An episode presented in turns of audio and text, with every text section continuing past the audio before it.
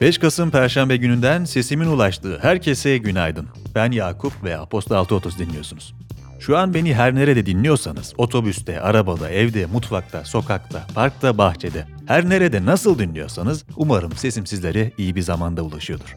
Şu anda dinlediğiniz bülten sizlere Jaguar'ın yenilenen süper spor otomobili Jaguar F-Type'ın destekleriyle ulaşıyor. Performans sanatçısı lakaplı Jaguar F-Type'ın özelliklerine yakından bakmak için bültenimize göz atabilirsiniz. Galata'dan sizlere ulaşan ve sizleri gürültüden uzaklaştırmak için hazırlanan gündemin öne çıkan detayları şimdi Aposto 6.30 farkıyla kulaklarınızda. ABD 2020 Başkanlık Seçimi Dün Türkiye saatiyle 10'da oy verme işlemi sona eren Amerika Birleşik Devletleri'nde bu bültenin yazıldığı saatlerde gözler oy sayımı devam eden Georgia, Kuzey Carolina, Michigan, Nevada ve Pensilvanya'ya çevrilmişti. En son Wisconsin'ı Biden'ın aldığı haberi geldi. The New York Times'ın listelediği resmi olmayan sonuçlara göre Joe Biden 237, Donald Trump ise 214 seçici kurul delegesi çıkarmıştı. Başkan olabilmek için 270 barajını aşmak gerekiyor. Türkiye saatiyle sabah saatlerinde Donald Trump Twitter hesabından demokratları seçimi çalmaya çalışmakla suçladı. Donald Trump oy sayımı devam ederken seçimi kazandıklarını ifade ederek oy sayımının durdurulmasını talep etti.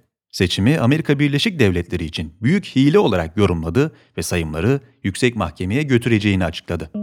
Donald Trump, Wisconsin eyaletinde oyların yeniden sayılmasını talep etti. Joe Biden destekçilerine inançlarını korumalarını çağrısı yaptı. Biden'ın ekibi Trump'ın açıklamalarını ölçüsüz, görülmemiş ve yanlış olarak yorumladı. Başkan Trump'ın erken zafer açıklamalarından sonra Facebook ve Twitter ilgili paylaşımlara uyarı notları ekleyerek kullanıcıları oyların hala sayılmakta olduğuna dair uyardı. Demokrat Parti'den Sarah McBride, Amerika Birleşik Devletleri'nde bir eyalet senatosuna seçilen ilk trans birey oldu. The Squad olarak anılan ve beyaz olmayan 50 yaşın altındaki dört kadın New York'tan Alexandria Ocasio-Cortez, Minnesota'dan İlhan Omar, Massachusetts'ten Ayanna Presley ve Michigan'dan Rashida Talip yeniden kongreye seçildi. Seçimin güncel sonuçları ve yaşananların derinlemesini incelemeleri için Spektrum ABD özel bültenine abone olabilirsiniz. Henüz abone olmadıysanız bültendeki link üzerinden aboneliği gerçekleştirebilirsiniz. Dünyadan manşetler. Azerbaycan Cumhurbaşkanı İlham Aliyev, 7 köyün daha Ermenistan işgalinden kurtarıldığını açıkladı. Birleşik Krallık merkezli perakende şirketi Marks Spencer, 26 Şubat-26 Eylül döneminde 87,6 milyon sterlin zarar ettiğini açıkladı. Geçen yılın aynı döneminde 158,8 milyon sterlin kar elde ettiği bilinen şirket 94 yıl sonra ilk kez zarar açıklamış oldu. Tayland'da siber suç yasaları kapsamında yasa dışı olduğu gerekçesiyle porno içerikli 190 sitenin yasaklanması sosyal medyada ve ülkenin Bilişim Bakanlığı önünde düzenlenen bir gösteriyle protesto edildi. Türkiye'den manşetler.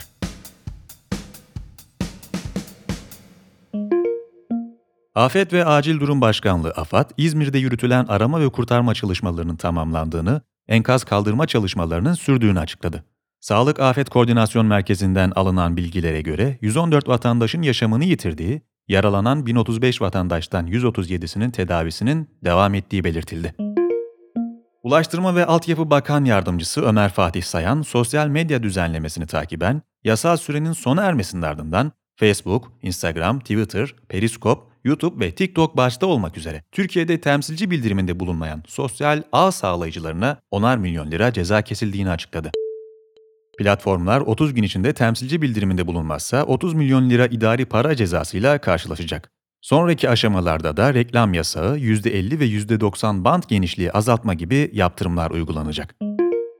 İki gün önce 8,55'e dayanan dolar TL kuru dün hareketli bir gün geçirdi. Dolar TL kurunun dünkü hareket marjı 8,38-8,52 arasında gerçekleşti. Türkiye Cumhuriyet Merkez Bankası tarafından yayınlanan verilere göre reel efektif döviz kuru endeksi tüfe bazında 60,66 puana geldi.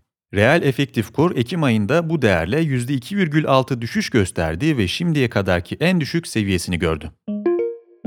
Hakkari Valiliği yol çalışması yapan iş makinasına bölücü terör örgütleri tarafından füze ve uzun namlulu silahlarla yapılan terör saldırısı sonucu iki sivil işçinin ağır yaralanmış, bir sivil işçimiz şehit olmuştur açıklamasını paylaştı. Tazminatlarını alma talebiyle işveren ve hükümetle bir süredir müzakerelere devam eden maden işçileri, görüşmelerin sonuçsuz kaldığını açıklayarak Soma Kırkağaç'tan Ankara'ya yürüme kararı aldı. Madencilere jandarma müdahale etti ve Bağımsız Maden İş Sendikası'ndan Başaran Aksu ve Kamil Kartal gözaltına alındı. Rekabet Kurumu tarafından genel arama pazarındaki hakim durumunu kötüye kullandığı gerekçesiyle soruşturma açılan Google'ın sözlü savunma toplantısı çevrim içi olarak gerçekleştirildi. Google'ın kendisini rapordaki değerlendirmelerin maddi temellerinin hatalı olduğu ve metin reklamlarının reklam olduğunun açık bir şekilde belirtildiği, şirketin reklam etiketlemesinin diğer çevrim içi platformlara göre daha gelişmiş olduğu açıklamalarıyla savunduğu soruşturmanın nihai kararının 19 Kasım'da açıklanması planlanıyor. İstanbul Valisi Ali Yerlikaya, Cumhurbaşkanı Erdoğan tarafından geçtiğimiz günlerde açıklanan yeni tedbirlerin ardından İstanbul'da uygulanacak olan esnek mesai uygulamalarını açıkladı. Açıklamaya göre 9 Kasım pazartesi tarihinden itibaren sanayi çalışanları 7'de işbaşı yapacak. Kamu kurum ve kuruluşlarında 60 yaş ve üstü ve idareci pozisyonunda olmayan çalışanlar, hamileler, kronik rahatsızlığı bulunanlar ve 10 yaş ve altı çocuğu olan kadın personeller idari izinli sayılarak evden çalışacak. Diğer personeller ise haftalık olarak dönüşümlü çalışacak. İklim krizi ve çevre Amerika Birleşik Devletleri ve tüm dünyada 59. ABD başkanlık seçimlerinin heyecanı devam ederken dün iklim krizi hakkında önemli bir gelişme daha yaşandı. ABD dün sabah itibariyle iklim krizine yönelik ülkeleri tedbir almaya davet eden Paris Anlaşması'ndan çıktı. Bu hamlenin iklim kriziyle küresel çapta mücadeleyi olumsuz yönde etkileyeceği tahmin edilse de seçim sonuçları da bu dikeyde farklı sonuçlar doğuracak gibi görünüyor. Paris Anlaşması Birleşmiş Milletler İklim Değişikliği Çerçeve Sözleşmesi kapsamında 2016 yılında Paris'te imzalanan ve sera gazı salımı, adaptasyon ve sürdürülebilir ekonomiyi vurgulayan bir anlaşma. Amaçsa dünyada gerçekleşen sıcaklık artışını maksimum 1,5 derecede limitleyerek 21. yüzyılın ikinci yarısını yeniden daha yaşanabilir kılmak. Anlaşmanın imzacı ülkeler üzerinde herhangi bir bağlayıcılığı ve yaptırım gücü bulunmuyor. Anlaşma yalnızca ülkelerin sorumluluklarını ve bazı tavsiyeleri içeriyor. Bugün itibarıyla Birleşmiş Milletler İklim Değişikliği Çerçeve Sözleşmesi'ne üye 196 ülkenin tamamı anlaşmanın imzacısı konumunda bulunuyor. Amerika Birleşik Devletleri hariç. Buna ek olarak bu ülkelerden 189'u anlaşmanın sorumluluklarını resmi olarak kabul eder ve bu yönde somut adımlar atarken Türkiye, İran, Irak, Angola, Eritre, Güney Sudan ve Yemen imzacı olsalar da resmi olarak herhangi bir adım atmış görünmüyor. Bu ülkeler arasından özellikle emisyon değerleri yüksek iki ülke olan Türkiye ve İran, imzacı ülkeler tarafından Paris Anlaşması çerçevesinde iklim krizine yönelik bir politika geliştirmedikleri yönünde eleştirilirken, Türkiye anlaşma koşullarına adapte olmayan tek G20 ülkesi konumunda bulunuyor. Çin'in ardından en yüksek karbon emisyonuna sahip ülke olan ABD'nin Paris Anlaşması'ndan çıkma niyeti, ABD Başkanı Donald Trump'ın ilk olarak 2017'de böyle bir adım atacağını açıklamasıyla görünür oluyor. Trump, anlaşmayı istihdam öldüren olarak tanımlarken bir yandan da anlaşmanın ABD vatandaşlarını cezalandırırken dünyayı kirleten diğer ülkeleri cezalandırmadığını düşünüyor. Başkan Trump'ın bu hamlesi, önceki ABD Başkanı Barack Obama'nın ABD'nin emisyon değerlerini 2025'te 2005'teki seviyesinin %28 altına indirme hedefi yolunda bir engel olarak tanımlanıyor.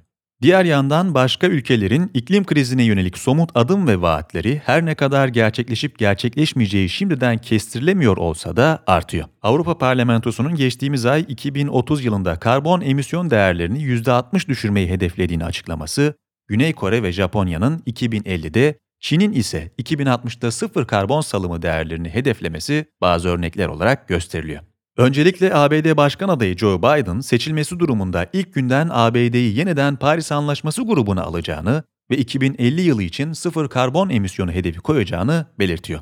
Donald Trump'ın iklim araştırmaları noktasında bir hayli önemli görülen NASA dünya bilimlerine yönelik devlet fonunu azaltması ve fosil yakıt düzenlemelerini esnetmesi iklim krizine yönelik mücadele için olumsuz adımlar olarak niteleniyor. İş Dünyası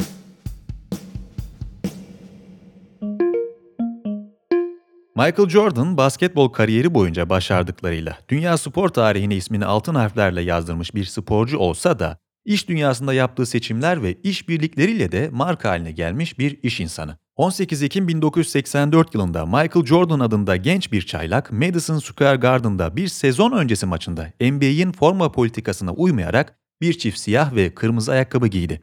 9 gün sonra ise dönemin spor giyim sektöründe küçük pay sahibi olan Nike ile 5 yıl için 2,5 milyon dolar değerinde bir sponsorluk anlaşması imzaladı. Takip eden süreçte Air Jordan markası yaratılırken Michael Jordan'ın kariyeriyle Nike firmasının yükselişi paralel sürdü. Bu partnerlik onu tarihteki ilk milyarder sporcu yaptı. Üniversite basketbolunda gösterdiği oyunla vaat ettiği potansiyelden ötürü spor giyim şirketleri lig başlamadan bu genç basketbolcu için tekliflerde bulunmuştu. Jordan ilk önce 30 yılı aşkın süredir olimpiyat oyunlarının resmi ayakkabısı olan ve Magic Johnson ve Larry Bird gibi büyük sporcularla anlaşmalar olan Converse grubunu reddetti. Çünkü firmada değerli sporcuların bulunmasından dolayı markanın yüzü olamayacağını düşünüyordu. Sonra ise dönemin en büyük spor giyim firması olan Adidas şirketini ise sporcularına marka ayakkabılar üretmedikleri gerekçesiyle tercih etmedi. Nike'nin kurucu ortaklarından Phil Knight yaptığı açıklamada Jordan ile anlaşmak hayatımda aldığım en iyi karardı. Zira bu partnerlik şirketimizin bugün spor giyim sektöründe bulunduğu konuma gelmesinde kilit bir role sahip ifadelerini kullanmıştı. Bu anlaşmadan bu yana Nike hisseleri %84.129 oranında büyüdü. Bu demek oluyor ki 1984 yılında bu hisselere 1000 dolar değerinde yatırımda bulunan bir kişi şu anda 84 milyon dolara sahip olurdu. 1985 yılında 65 dolardan satışa çıkan Air Jordan ayakkabılarıyla başlayan bu süreçte Nike son 10 yılda Jordan ürünlerini 17 milyondan fazla sattı. Yılda 40 milyar dolar gelir üreten Nike'nin piyasa değeri ise şu an en büyük rakibi Adidas'ın 3 katı, 136 milyar dolar. Jordan'ı kültürel bir ikon olarak marka yüzü belirleyen Nike, 1990 ve 2000 dönemlerindeki NBA yıldızları için çekim merkezi olmuştu. Bu partnerlikle şu an bile Nike'den yılda 100 milyon dolardan fazla kazanan Michael Jordan, servetine toplam olarak 1,3 milyar dolar katmıştı. Nike, Michael Jordan'ın en büyük partneri olsa da Jordan spor endüstrisinde de birçok yatırımda bulundu. 2010 yılında Charlotte Hornets'ı 175 milyon dolara satın alan Jordan, yıllar boyunca organizasyonun başarısından memnun olmasa da Hornets'ın piyasa değeri şu an 1,5 milyar dolar. Ayrıca Jordan, MLB takımlarından Miami Marlins'ın ortaklarından birisi. Yatırımları sadece spor endüstrisiyle sınırlı olmayan Jordan, Gatorade ve Heinz gibi farklı sektörlerden markalarla da işbirliği içinde. Ayrıca The Last Dance belgeselinde Jordan'ın sürekli yanından ayırmadığı Sinkoru isimli tekila markası da yatırımlarından biri. Michael Jordan 16 yıllık NBA kariyerinde sporcu maaşları toplamına bakıldığında yalnızca 93,8 milyon dolar kazanırken yaptığı işbirlikleri sayesinde sahip olduğu 1,7 milyar dolar mal varlığıyla günümüzdeki zenginler sıralamasında ABD'de ilk 500'de, dünyada ise ilk 1500'de bulunuyor.